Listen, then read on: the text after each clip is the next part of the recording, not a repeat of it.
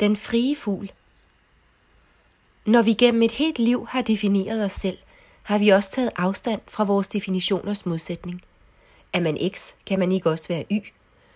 Men dominerende karaktertræk kan ikke udelukke mindre dominerende karaktertræk, ligesom man aldrig kun er opfyldt af én følelse, skønt den dominerer på et tidspunkt i tid.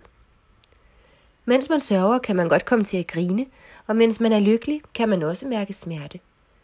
Vi er alt på en og samme tid. Vi rummer hele tiden det hele.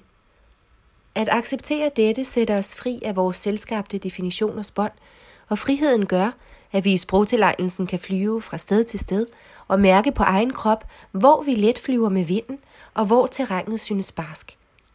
Uden at have defineret det på forhånd fra et gammelt udgangspunkt, en gammel erfaring, men fra et nyt sted, der svarer til der, hvor vi er i livet.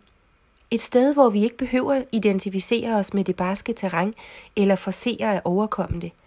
Men fra højderne med fuglens frie udsyn, flyve er det mest farbare, farvestrålende, spændende, velduftende og glædespringende himmelstrøg. Husk dig selv på, at du altid kan vælge. Skal din indlæring være tung eller let? Lad ingen andre fortælle dig, hvem du er og hvad du ikke kan. Du kan X, og du kan Y. Noget vil falde dig nemmere end andet og blive din vindretning, men aldrig definere dig. Vola, vola.